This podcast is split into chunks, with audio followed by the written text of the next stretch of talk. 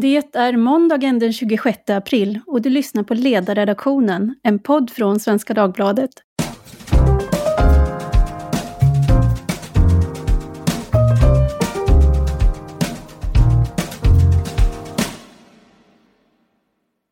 Jag heter Tove Livendal och idag ska vi tala om hur man påverkar samhällsutvecklingen bäst och inte minst den del som drivs genom politiken.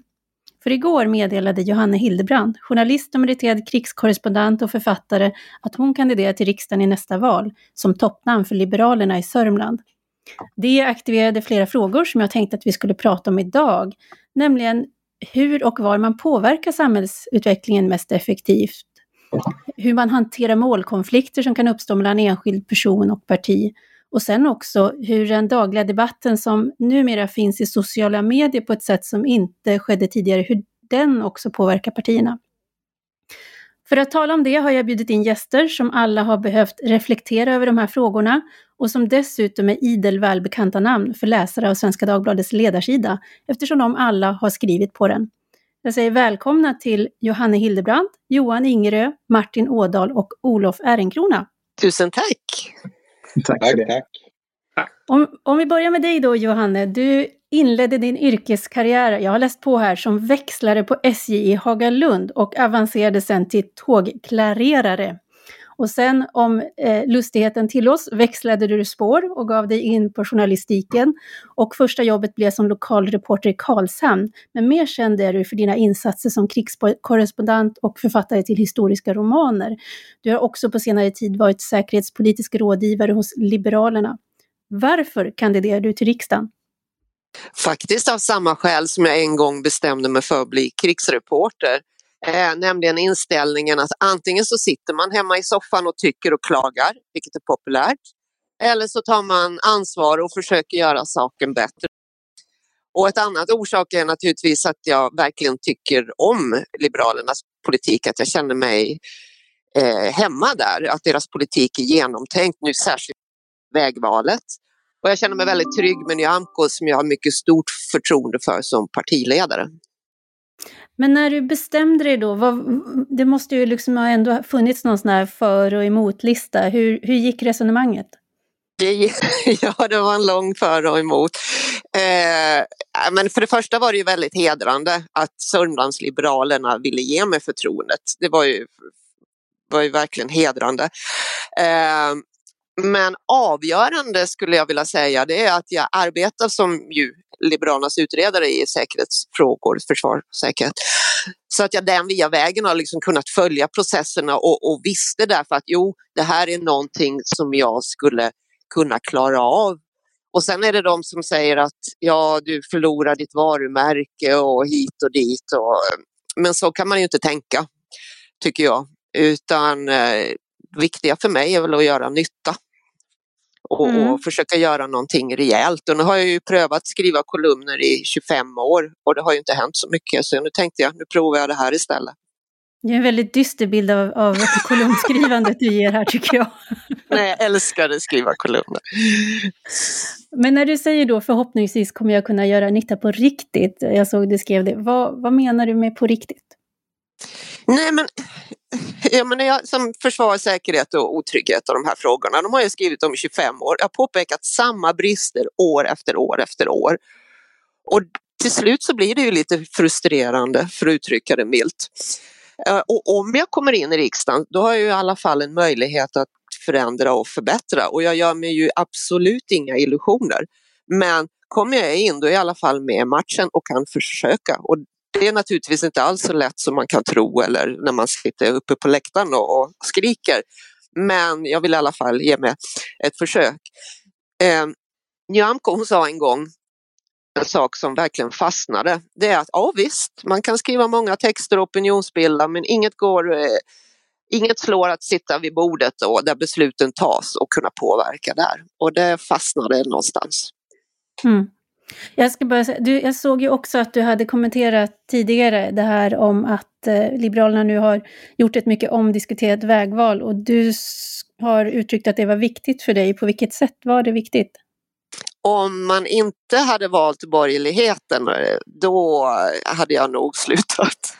sagt upp mig som utredare, då hade jag inte kandiderat. Eh, utan det var ju Nyamkos linje som vann. Och jag är väldigt glad för det och med stor majoritet dessutom. Eh, det har pratats mycket skräp om, om Liberalerna och splittring och så här men framförallt under det här partirådet när man lyssnade på alla kloka landsbygdsliberaler framförallt så kände jag mig, då blev jag verkligen övertygad och kände jag mig hemma. Det här är mitt gäng. Mm. Sen har vi Johan Ingerö och du har ju eh, varit redaktör, digital redaktör på Neo, du har varit ledarkrönikör i flera norrländska tidningar, bloggare. Du var politisk sekreterare för Folkpartiet en gång i tiden. Sen blev du PR-konsult och sen kom du tillbaka till politiken och då som presschef hos ett annat parti och Göran Hägglund. Sen var du en sväng på Timbro och du har skrivit eh Eh, i Svenska Dagbladet och Göteborgs-Posten och hos oss så har du varit både vikarierande ledarskribent och kolumnist och sen gick du tillbaka till politiken igen och är nu policyansvarig hos Kristdemokraterna. Hur ser den makt som du har ut idag? Ja, den, den handlar ju egentligen om indirekt makt. Jag får vara med i rummet när viktiga frågor diskuteras och avgörs, men det är inte jag som fattar beslutet den makt jag har är att jag får vara där och komma med mina analyser, mina underlag, mina, mina förslag och ibland mina varningar. Ehm, men, men det är klart att om eh, min chef lyssnar på dem, då kan jag ju i viss mån sägas då ha haft makt i det läget. Om hon väljer att göra på ett annat sätt så finns det inget jag kan göra för att få en att ändra sig. Så att jag har den makt som Ebba Busch låter mig ha helt enkelt. Mm. Du har ju också bytt parti, tidigare Folkpartiet till Kristdemokraterna. Hur ser en sån resa ut?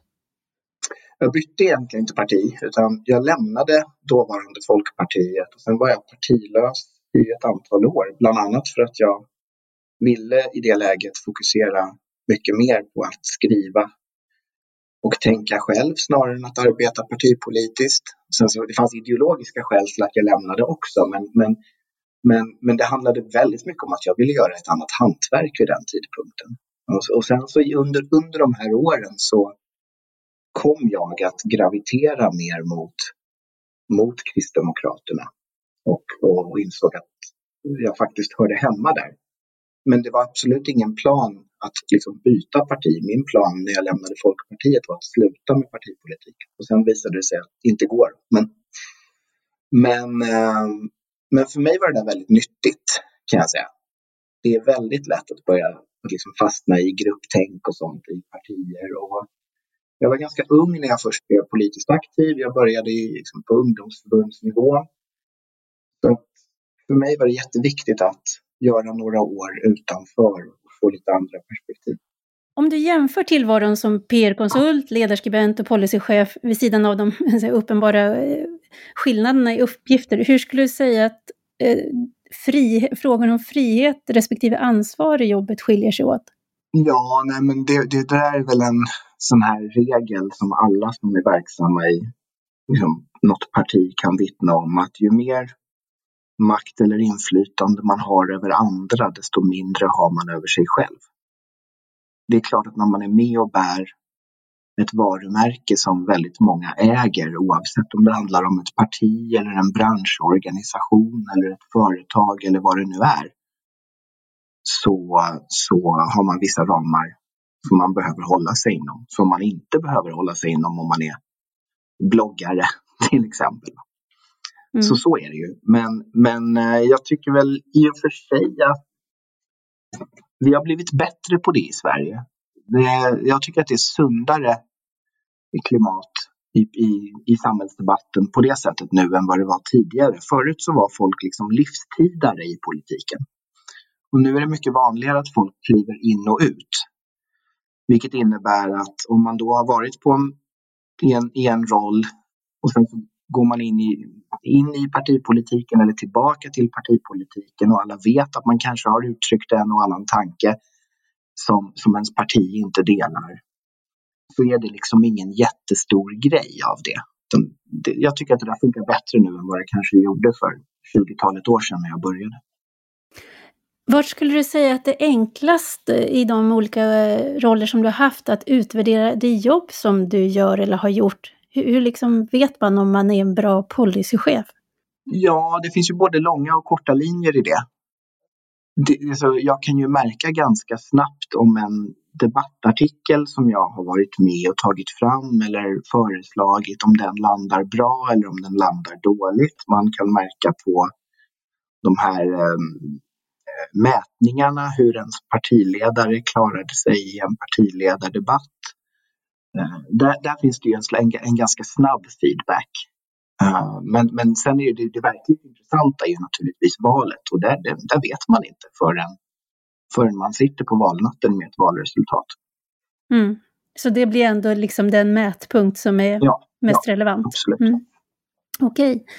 Martin Ådahl då, eh, jag får kalla dig för journalistisk och politisk entreprenör, för du har ju varit med och grundat en massa saker. Det är Finanstidningen och det är tidskriften Fokus, kampanjorganisationen Grönt Europa. Du har jobbat ett antal år på Riksbankens avdelning för penningpolitik, varit programledare för Ekonomiklubben på Access TV och sedan 2012 så är du chefsekonom och vice partisekreterare i Centerpartiet. Du har varit återkommande gästskribent här på ledarsidan.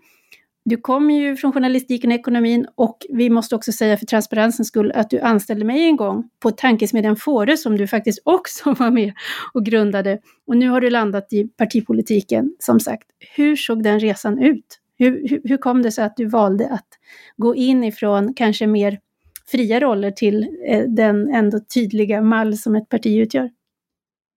Nej, eh, först vill jag ändå att jag, jag faktiskt är, ju faktiskt är folkvald nu. Vilket är faktiskt ytterligare ett steg längre det som Johanne försökte att bli. Eh, för det innebär att man, att man ju får skaffa sig ett mandat och också måste leva upp till det, lite som Johan berättade, fast mer direkt. Menar, även om vi har partilistor i, i, i, Sverige och inte är så här enmansvalkretsar så är man ju, man är ju ändå man har ett ansvar mot sina väljare och det tycker jag känns väldigt stort. Och det, och, eh, att få göra det. Så det är liksom ytterligare ett, ett steg in i, i det där politiska. Men som att svara på din fråga så jag, jag valde det därför att jag kände att det var ett sånt skede i eh, faktiskt mera i Sverige än i mitt eget liv där det behövdes någon ny eh, tanke och någon, liksom någon, någon ny liberal förändringsvåg. Och, och jag kände att Annie Lööf då som, som hade blivit partiledare. Hon bad ju mig då, men anledningen till att jag gärna hoppade på det är att jag kände att ah, men här fanns det en riktig chans. Och, och med tiden blev det så. Men, men ska man komma ihåg, så det var liksom inte i första hand för att få inflytande eller makt utan det var ju för att man ville bli del i en förändringsvåg som man kunde bidra till. Och det är det väl fortfarande. Um, för att det är väldigt svårt att säga egentligen var makten börjar. Det ska man nog veta. Alltså, ta till exempel den här, den här eh, eh, långa perioden då jag var journalist eller, och, och jobbade i media. Det är ju, man, märk, man förstod inte då som jag gör nu och som några i det här rummet har upplevt eh, hur pass mycket politikerna är beroende av debatten. Alltså hur mycket man är beroende av eh, vad som skrivs, vad som tänks, vad som föreslås. I politiken lever man från väldigt mycket hela tiden. Man, man, man försöker undvika men man är ändå väldigt beroende av skenen hela tiden. Och, eh, och då, då blir de här stora linjerna som andra är med och skriver om och, och riktar upp. Ibland kan man bidra till det väldigt, väldigt viktiga. Så jag, jag är inte säker alla gånger på att jo, nu kanske har vi mer inflytande för det var så stora vägskäl i svensk politik. Men att jag alldeles i början hade mer makt i den meningen eh, på insidan av politiken jag hade utanför. Men det var inte heller tanken. Men jag måste fråga Martin, för vi har ju känt varandra ganska länge och när var du centerpartist redan från början? kunde, det, kunde det bara ha blivit Centerpartiet eller hur såg den där processen ut? Jag tror faktiskt det. Dels därför att jag eh, ganska tidigt, alltså när jag var väldigt ung, gick med i, i Centerns eh, högskoleförbund som det hette då. Och sen så hade, var ju Torbjörn Fälldin en väldigt eh, liksom stor person i, i min uppväxt. en, en kort, en, ett, par, ett par år jobbade min far åt honom som, som expert och det och jag, fick liksom, jag blev, väldigt imponerad av honom som liksom ledare och politiker och, och det följde med mig. Och så var jag liksom miljöaktiv. Eh, det däremot var väldigt hög grad ett val och samtidigt icke, verkligen uttalat icke-socialist. Jag hade fått se den typen av planekonomi på nära håll när jag var runt i Östeuropa och som, som ung korrespondent. Väldigt ung korrespondent. Men, så det, det, var liksom, ja, det var inramat på väldigt många olika sätt, valet. Men det var inte alls givet att jag skulle gå över definitivt till politiken där. Jag tänkte till exempel när, när jag, jag fick faktiskt ett propå lite i linje med Johanne. I Centern har man så omröstningar så man kan inte räkna med att man blir utnämnd. Men, men i alla fall fick jag en stark propå om att kandidera till riksdagen från Centern i Stockholm. Men då blev valet ändå att starta Fokus. Eh, därför att jag kände att det var ett sådant projekt som Sverige behövde och, och, och, och då. Eh, så jag, jag, nej, det, det, var inte givet att gå in i politiken. Däremot var det nog givet att det skulle vara Centern. Men eh, jag försökte faktiskt eh, Ja, ibland tyckte man till och med att jag var ganska jobbig, tror jag, eh, de som kände mig från politiken, för att jag ibland var lite hård mot det som var då mitt före detta parti. måste man ju vara journalist eller kommentator eller något sånt där. Det måste man vara. Men som, eh, som Johan var inne på, det här med att, liksom, att det, det är någonting bra med att man kan gå in och ut. Hur ser du själv liksom framåt nu? Blir du kvar i politiken eller har du tänkt att det här blir för en period av livet och sen gör jag någonting annat? Inte för evigt, men däremot det stora projektet och valet vi har nu, det, det är sånt ödesval i svensk politik, liksom om den stora klassiska socialliberala ådran i Sverige, liksom där öppna eh, framtidsoptimistiska om det ska få bli kvar eller om vi ska bli lite konservativt inåtvänt eller ännu värre socialistiskt land. Så det, det, det, för mig, nu ska inte du ha några, några valtal här, men för mig är det det stora som händer. Det här är liksom det största är framför oss nu. Det största någonsin. Januariavtalet stort nog men det största ligger framför oss att skapa den här och, och, och utveckla den här ådran. Så att, nej, det kommer att dröja ett bra tag tror jag innan jag eh, släpper taget om det här. Men där tycker okay. jag absolut att man gå in och ut. Det kan jag säga rakt av. Eh, som Johan var inne på. Man måste kunna i Sverige se mycket mindre av det här att man liksom gör hela sin eh, karriär inom ett parti.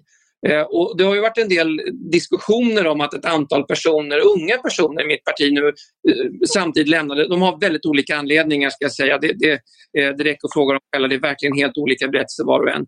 Men gemensamt så har de det att de vill göra någonting annat i livet också, som Johan gjorde. Och Det tycker jag är helt rätt. Man mm. måste liksom få en chans att göra lite olika saker. Vi kan inte bara ha karriärpolitiker i det här landet. Eh, så det tycker jag, absolut.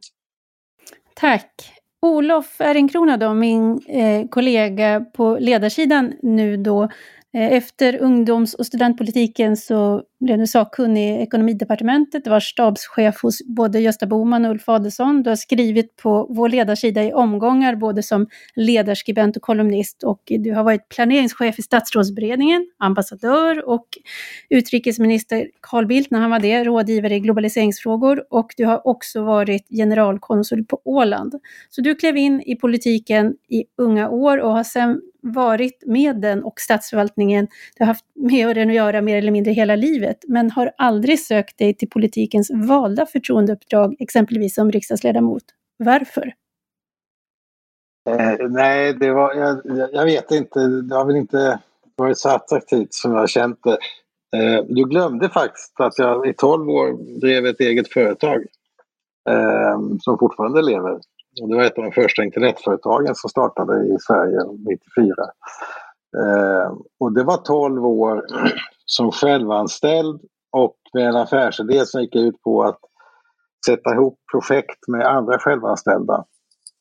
Eh, och det var en enormt intressant och positiv upplevelse. Vi hade inte en enda konflikt under 12 år med någon av våra uppdragstagare. Eh, och eh, det lärde mig också oerhört mycket om det, det praktiska företagandet som jag sen haft väldigt stor nytta av i, i andra sammanhang. Jag tycker, ja, för mig har politik väldigt mycket handlat om idéer och långsiktighet och långsiktiga eh, samhällsförändringar. Så jag har väl sökt mig till de ställen där jag har kunnat få, få utrymme för att eh, skriva om det som jag tror på. Eh, eh mer än att, att eh, rösta. Eh, och det har väl varit, och det, det, där, där har ju då liksom ändå varit ett enormt privilegium att som ung, ung entusiasm arbeta i, i en dynamisk partiledning och, och ha den, det förtroende som man, som man kan få där. Eh, så att, eh, eh sen hade jag förmånen också, jag engagerade mig politiskt när jag var 15 i, i, i dåvarande konservativ skolungdom i, i, i Mjölby.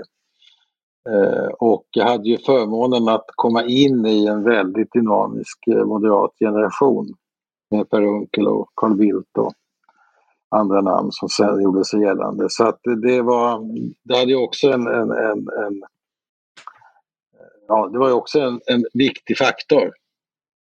Mm. När det gäller svenskan så var det väl så att jag blev faktiskt eh, scoutad av andra redaktören Bertil Östergren som fungerade som min mentor. Han var ju en av de som verkligen drev igenom opinionsmässigt eh, den stora liberaliseringsvågen på 80-talet.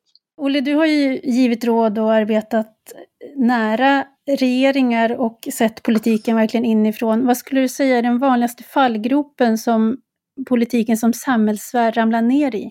Alltså det är ju det här att man, miss, man förstår inte att det är långsiktigt och att det är mycket, ofta, att vara riksdagsman är ju ett ensamarbete i väldigt hög utsträckning. Man är en ensam polit, politikentreprenör som ska få genomslag för de idéer som man antingen har fått ansvaret att driva eller själv vill, vill driva eh, på eget mandat så att säga.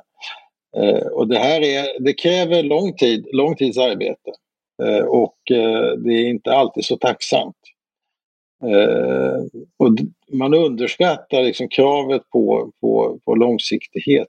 Det tror jag är den viktigaste fallgropen. Men sen är det ju också det här att å ena sidan så när man driver, på, jag tar radio och tv som jag brukar ta som exempel. Vem betyder mest för att befria Sverige, Sverige från radio och tv-monopolet? Var det Jan Stenbeck eller hans syster Margareta af Ugglas? Margareta af Ugglas satt ju, dels var hon ledarskribent i Svenskan och dels moderat riksdagsledamot och var ju mycket engagerad i att fri, bryta tv-monopolet. Men det var ju hennes bror Jan som gjorde det genom att helt enkelt åka till England och etablera TV3.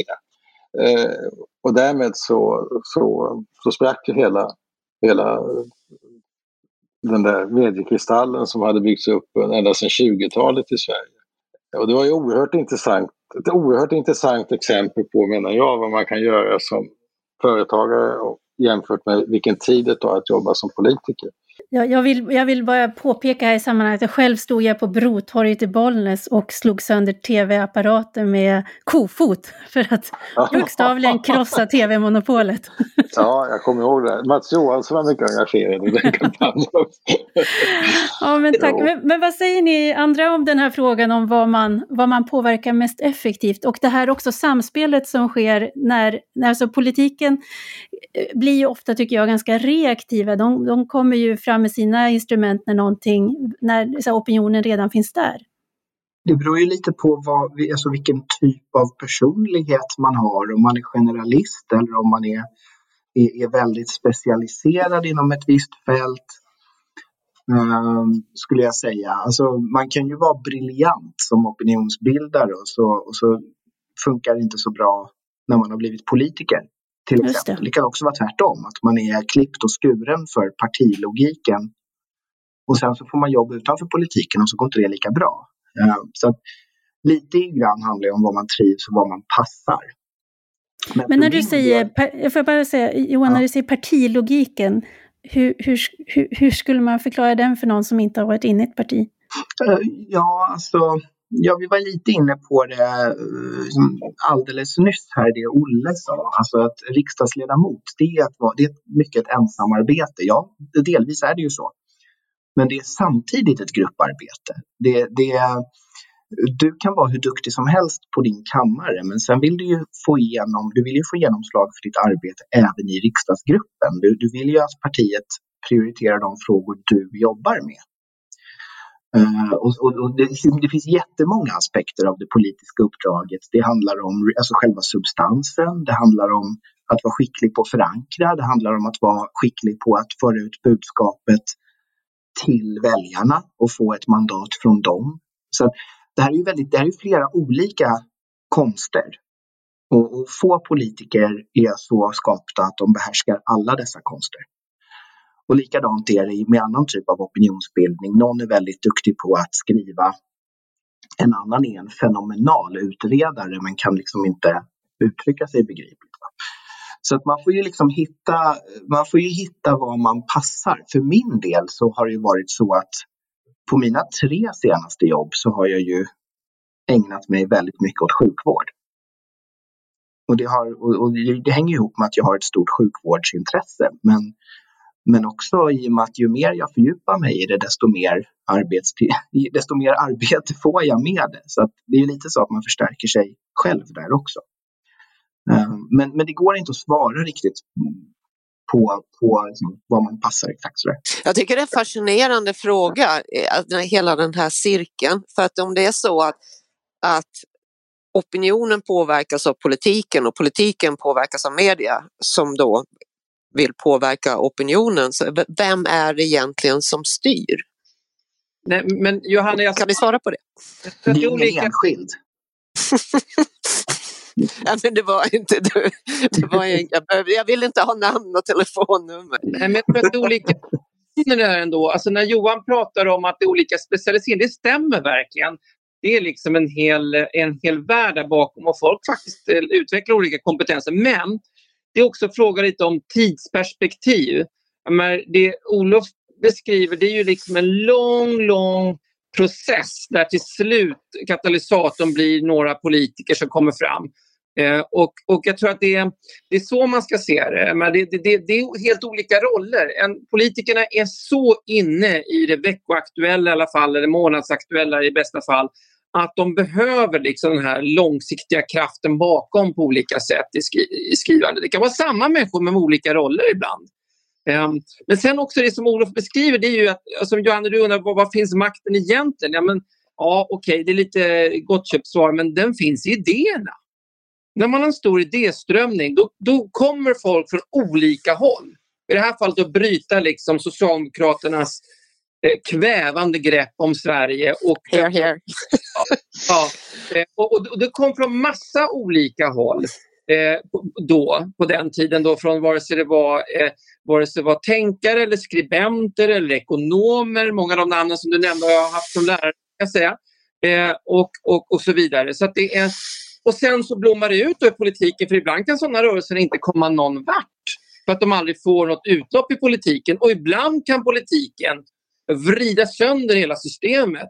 Som jag såg liksom under många år i Frankrike som ung, kunde märka hur liksom den här lepeniseringen av systemet där man bara skyllde allt på invandrarna gjorde att högern i, i Frankrike slutade tänka. Liksom. Gjorde inga reformer, bara höll på och körde eh, liksom, trygghet och, och, och polis och, och, och, sånt där. Eh, vilket är helt okej, okay. men man tänkte inte på alla de ekonomiska problem Frankrike hade på den tiden. Så att, jag tror att det, det tyvärr, det, det liksom, man måste växelverka. Jag tycker ändå det är fascinerande hur idéer växer fram och vad det är som gör att de här idéerna växer fram och sen får genomslag och fler och fler hakar på. För när folk eh, börjar haka på då, då blir det en framgångsvåg. Eh, återigen, jag har skrivit om försvar och säkerhet och ofta likadana kolumner i 25 år. Eh, och ibland är det trendigt och jätteviktigt och ibland är man en krigshetsare och ibland så är man jätteklok. Det går liksom fram och tillbaka som i olika trender. Eh, och det fascinerar mig. Eh, den här, ja, om man tänker på påverkansoperationer till exempel som jag håller, eh, tycker är intressant, jag håller på med, jag, jag inte jag försöker, eh, så eh, just det hur man kör med bo, ryska botar och så vidare, hur man kan tysta folk eller driva igenom någonting i eh, en idé, förstärka idéer i cyberrymden. Uh, och det är därför jag liksom hela tiden grubblar. Jag har inget svar på min fråga men jag är så glad jag kan ställa den. Vem är det som bestämmer egentligen? Mm, men jag tror att du har, vi har ju varit inne på det, att det är ju en ett samspel och det är, det är på något sätt en... en eh, Men vad skapar samspelet? Men det där är kaosteori. Man kan inte beräkna ja. det där mer än man kan så att säga, planera ekonomier. Vad jag däremot tycker är väldigt intressant det är hur idéer har korsbefruktat varandra. Uh, om man tittar på om man tar liksom liberalismen nu när, när liksom flera av er har nämnt det. Den har ju sällan i, om man tittar på västvärlden, haft några blytunga parlamentariska avtryck. Men kolla vad den har lyckats med inom partier. Alltså när, när, eh, när konservatism och liberalism förenades i, i USAs och Storbritanniens konservativa partier det förändrade ju den ekonomiska debatten i hela västvärlden och även i Asien på djupet. Eh, titta på vad, vad liksom liberalism gjorde med Labourpartiet i USA och gav dem liksom tre valsegrar på raken med, med Tony Blairs New Labour. Mm, men, men det, samtidigt som liberalismen aldrig riktigt lyckas stå bra på egna ben. Och det där, alltså det där här finns det någonting. Va? Därför att, därför att du har vissa politiska rörelser och idéer som så att säga eh, fattar folk. Och sen har du liberalismen som i grunden mest fattar ekonomi och inte så mycket annat. Eh, och när man förenar det där på rätt sätt, vi gjorde det rätt hyggligt tycker jag under alliansåren, i alla fall de första åren, då, då kan man få ett ganska bra reformtempo men man har också koll på vad man sysslar med. I motsats till, till det vi ser nu kanske, där vi har så att säga ett antal liberala gottepåsar som en socialdemokratisk regering ska genomföra. Men, men det, är liksom, det är det som gör att det är spännande att vara, i, att vara aktiv i den här tiden. Den liknar inget vi har sett på väldigt, väldigt länge. Men det, det här med DNS förändring då, om vi tar, om vi tar 80-talet så byggde det ju på en, en, ett, ett paradigmskifte i den akademiska världen, framförallt inom nationalekonomin och stats, statsvetenskapen. Och det var ju ett paradigmskifte som initierades i, i USA och Storbritannien eh, och sen, sen spred sig över västvärlden. Och det, det var ett intellektuellt skifte som eh, av ungefär den art som vi har sett på universiteten de senare åren med identitetspolitiken. Eh, och det fick ju en väldigt starkt genomslag därför att det, det, det fångades upp av, av ett antal politiker som hade den, den förståelsen. Men det byggde ju också på att den gamla politiken hade nått vägs ände. Alltså Thatcher kom till makten därför att eh, Eh, Arthur Scargill som var kolgruvarbetarnas ledare gick bananas i den brittiska ekonomin. Och i Storbritannien så hade man ju det stora demokratiska, eller i USA det stora demokratiska haveriet på Chicago-konventet som signalerade att, att demokraterna var, måste ta en paus. Eh, och, och det där, så att det är båda, båda faktorerna, att det finns idéer som, som kan ta vid när ett grundläggande ideologiskt paradigm har nått vägs ände. Jag tror att, och det var ju precis det som inträffade i Sverige också. Vi hade ju en fruktansvärt dålig ekonomisk utveckling mellan 1970 och 1990. Fruktansvärt dålig. Och det var ju därför att politiken misslyckades. Ja, nej, men jag tror inte man ska liksom underskatta. Jag håller, visst, det, fanns, det, fanns, det hände mycket på institutionerna och inom akademin men man ska liksom inte underskatta effekten av att inflation tuggar i sig folks besparingar, att man måste köa vid bensinpumpar och så vidare. Det var vad som hände på 70-talet. Det som händer nu är att man är livrädd för, för, för kriminella gäng, för skjutningar och för en, en otrygghet som verkligen har slagit klona i Sverige och som, och som det inte görs särskilt mycket åt. Och, så jag tror absolut, idéer, tankar, forskning, utveckling, men, men politik börjar och slutar i lokalsamhället. Det, det fattade inte minst den amerikanska talmannen Tip O'Neill som alltid sa just det, om politics local. Och det är väl det jag tycker är kanske, det är det svåra. Det är att få ihop alla dina högtravande tankar och allting du har i din bokhylla som fascinerar dig storligen med grodperspektivet som, som folk som inte nördar sånt här möter i sin vardag. Det är det som är den politiska konsten. Får jag också, apropå det då, för att då har man å ena sidan idéerna och jag skulle hävda att, att många, det är ju liksom eviga värden som vi diskuterar och sen tar de sig olika uttryck i därför att verkligheten förändras. Men en, en sak som har tillkommit är ju eh, formerna för debatten och då tänker jag på det här som jag var inne på, nämligen sociala medierna. en daglig eh, dos av politisk Twitter och, och Facebook-debatter eh, och dialoger. Eh, och jag undrar hur ni ser att den har påverkat både den politiska debatten men också partierna. Min eh, uppfattning är att den riskerar i sin eh, underhållningsvåldsnisch att dra med politiken i en väldigt kortsiktig, en kortsiktighet som inte riktigt gagnar samhällsutvecklingen. Men ni får gärna invända mot den Ja, men nu har det verkligen hänt någonting här nu. I, i, alltså det är ju inget snack om att den här relationen mellan medier, sociala medier och politiken har förändrats. Det är det alla pratar om och de här bubblorna och de här förstärkningarna och populismen och, och hela det som utvecklas som ett parallellt universum, inte minst i USA men även i andra länder av, av där man liksom just matar fördomar, man matar olika bilder. Det, det, är uppenbarligen så att någonting har förändrats. Det, det, finns nästan det fanns ju en lång, lång period där det ändå fanns, som det heter, då, mainstream media där, eh, vare sig man var Myrman eller Olof Ehrenkrona eller vem det nu var, så rörde man sig liksom i samma, eller, eller Lars Gustafsson, i samma men nu är det som att en, det är tveklöst så att det finns ett antal fickor som liksom feedbackar på sig själva. Och det leder ibland till en extrem liksom, eh, subkultur av alla de slag. Ja, men även på, inte bara på den där ny, ny, nynationalistiska hög, extremhögerkanten utan även på vänster.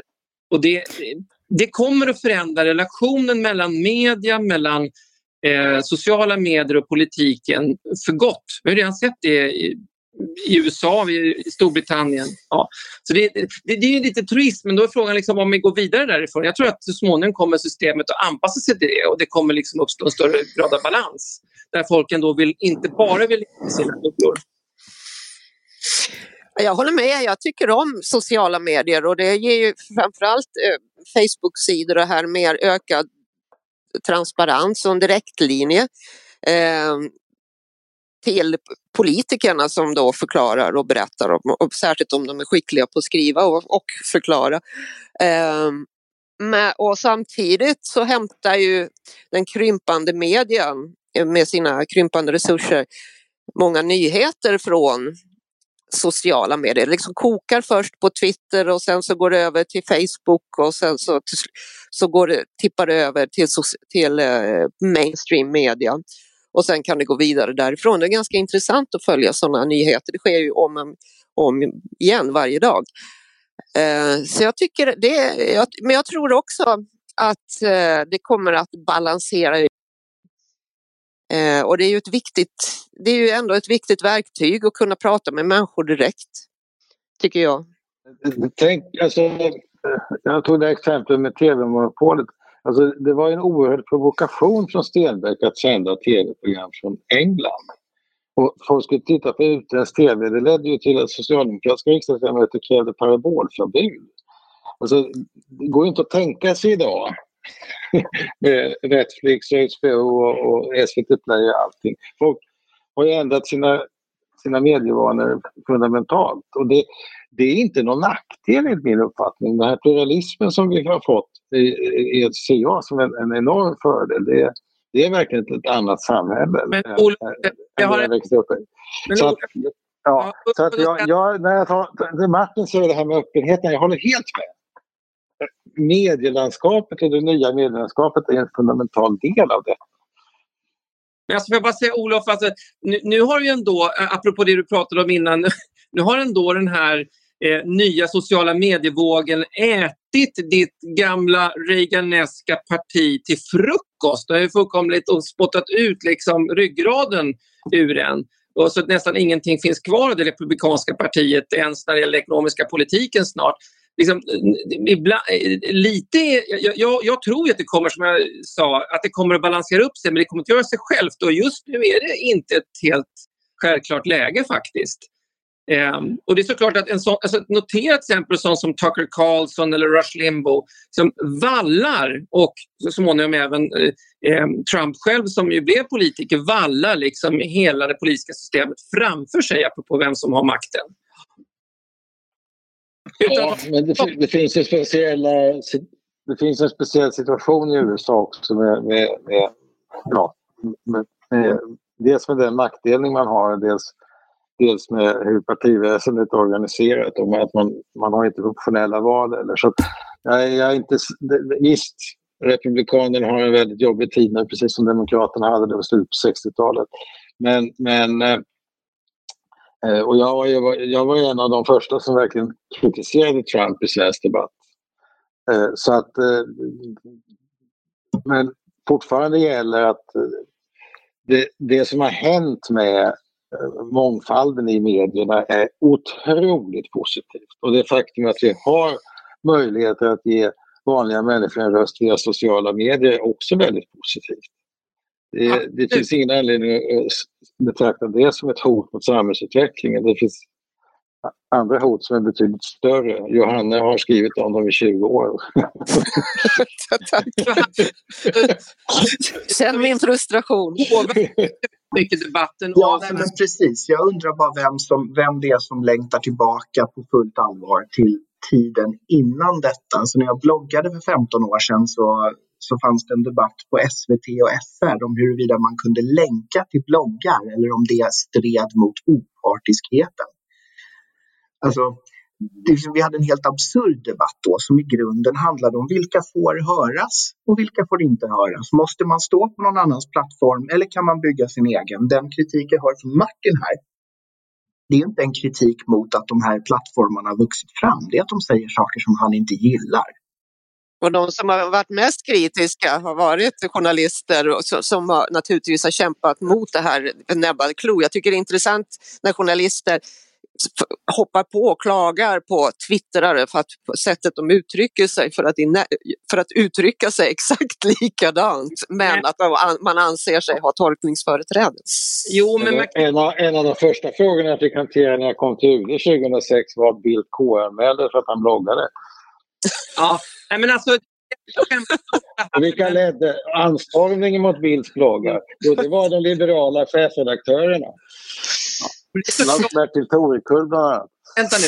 Ja, vänta nu, vänta nu.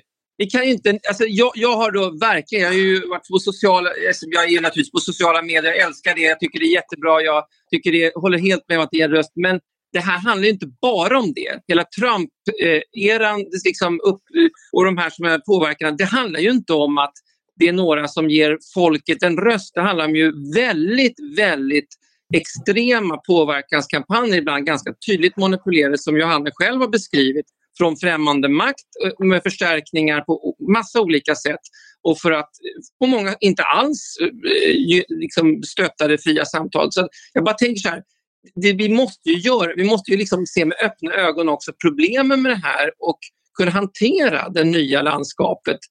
Och i så fall får ju motkrafterna mot det här mobilisera sig lite och inte bara vika sig för de här eh, ibland ganska otroligt uttryckligt organiserade påverkansstormarna som skapats i USA. Alltså, I USA har ju, är det ju inte liksom folkets röst som Johan implicerar som har fått sitt uttryck genom Trump utan det är ju en väldigt medveten påverkanskampanj där man spelat på alla möjliga fördomar och fått ganska mycket, man ska ärligt, stöd utifrån också för att göra det. Det är, alltså, alltså, notera vilka, vilka som har spelat rollen i USA. Det mainstream media, alltså det är ju det, det, är ju det mediaimperium som bland annat Fox ingår i. Det är ju ett australiensiskt drivet mediaimperium. Det är ju, ja, dessutom det är, det inte det är verkligen, alltså det är inte, det är inte, det är liksom ingen gräsrotsrörelse som Fox representerar eller, eller, eller Daily Mail eller, de här, eller, ja, eller de brittiska tabloiderna. Mm. Men sen är det ju så att det här det finns, en... på alla, det finns från alla läger, även från de läger som så att säga, alltså Bernie Sanders, Alexandra Ocasio-Cortez, alla ja. de här som, som har skapat en helt ny vänster i USA som egentligen inte fanns. Ja, men de lever av varandra. Men, de men glöm inte bort alltså. Via, de har också kommit via liksom, cable ja. news, via sociala medier. Och som, det, det, finns ju inte en folkets röst, det finns jättemånga. Nej. Och då är det väl utmärkt att medier funkar likadant kan jag då tänka. Absolut, men man ska inte skylla Facebook för det Murdoch håller på med. Och det som var, alltså Brexit och Trump är ju i mycket stor utsträckning Murdoch-fenomen. Eh, och det tycker jag man ska komma ihåg när man tittar på det här. Va? Eh, så det är liksom inte, det är inte enskilda bloggare i riksdagen eller utanför som är ett stort problem utan det, det har varit faktiskt en, en medveten mediekampanj som har drivit fram de här. Det här kommer tyvärr att få bli det sista ordet i en, en ganska spretig men väldigt intressant diskussion. Det, det, så här blir det när man bjuder in ledars, vad heter det, ledarsidesskribenter till en diskussion. Då vet man vart man börjar men man vet inte vart man tar vägen. Och, eh, men han, jag tycker han landar bra Olof här i debatten, framförallt att svara på min fråga, vem är det egentligen som bestämmer? så jag känner mig väldigt trygg och glad. Men eh, vi ska... Precis, vi, vi, började, vi började hos Johanna Hildebrand och slutade hos Robert Murdoch. Eh, vi får väl i alla fall eh, gratulera Liberalerna till att eh, åtminstone ha en riksdagskandidat. Vi får väl se hur det går i valet, men som ändå har kännedom om de här kampanjerna som jag pratat om, som naturligtvis också förekommer. Men det har, det, det vi kan jag vet inte om jag ens vågar sammanfatta detta, men politiken och samspelet med andra samhällssfärer kommer vi att fortsätta behöva diskutera och iaktta. Eh, ni har alla olika roller att spela i detta och det har varit ett, ett lärorikt samtal. Så stort tack till Johanna Hildebrand, Johan Ingerö, Martin Ådahl och Olof Ehrenkrona för att ni ville medverka idag. Stort tack för att, ni, för att jag fick komma. Tack, tack. Och man får inte vara rädd för att lämna sitt fack och komma tillbaka igen. Det, det måste... jag tänker satsa på det här. Det kan ju gå bra också, tänker jag. Ja, jag tycker, välkommen till slagfältet, Johanna. Jag har läst det med glädje. härligt, härligt. Och med dessa glada tillrop så vill jag också tacka er som har lyssnat. Hör gärna av er till ledarsidan svd.se om ni har frågor, kommentarer eller synpunkter på annat som vi ska podda om. Jag vill också varmt rekommendera SVDs dagliga nyhetspodd Dagens Story som bjuder på ett ämne en kvart fem dagar i veckan. Producent idag var Jesper Sandström. Tack så mycket!